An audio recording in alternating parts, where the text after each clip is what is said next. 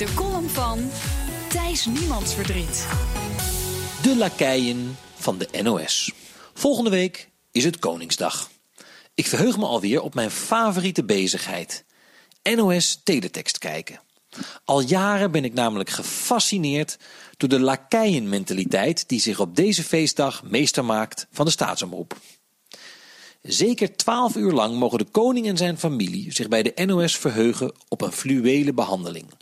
Moet je doorgaans verkiezingen winnen of een moord plegen om teletextpagina 101 te halen?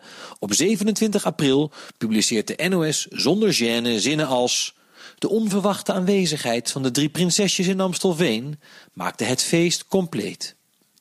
Overigens doet de NOS dit niet alleen op Koningsdag. Ook op Prinsjesdag worden de Oranjes met alle egaars behandeld. Van eindeloze beschrijvingen van de gouden koets tot analyses van het hoedje van Maxima. En wat dacht u van het volgende bericht? Koningin Maxima is vanmiddag met de rest van haar gezin aanwezig bij de jaarlijkse zomerfotosessie voor de pers. Daar was enige onzekerheid over, doordat zij een hersenschudding had opgelopen bij een val.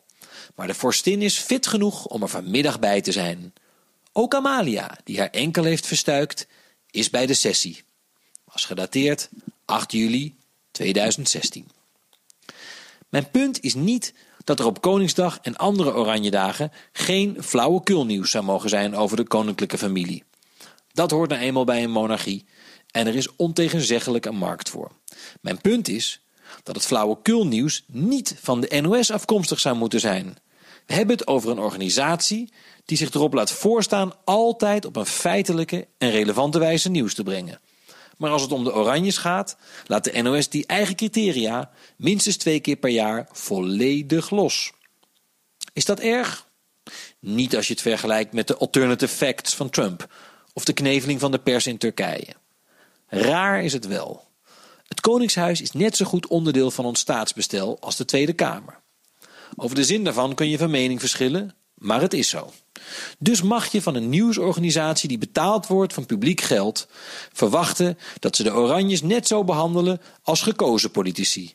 Je onderzoekt ze, je controleert ze en je velt, indien nodig, een kritisch oordeel over ze. Al die free publicity kun je dan met een gerust hart overlaten aan de roddelbladen en de royalty-programma's. Ik ben benieuwd wat NOS Teletext de komende 27 april weer voor ons in petto heeft.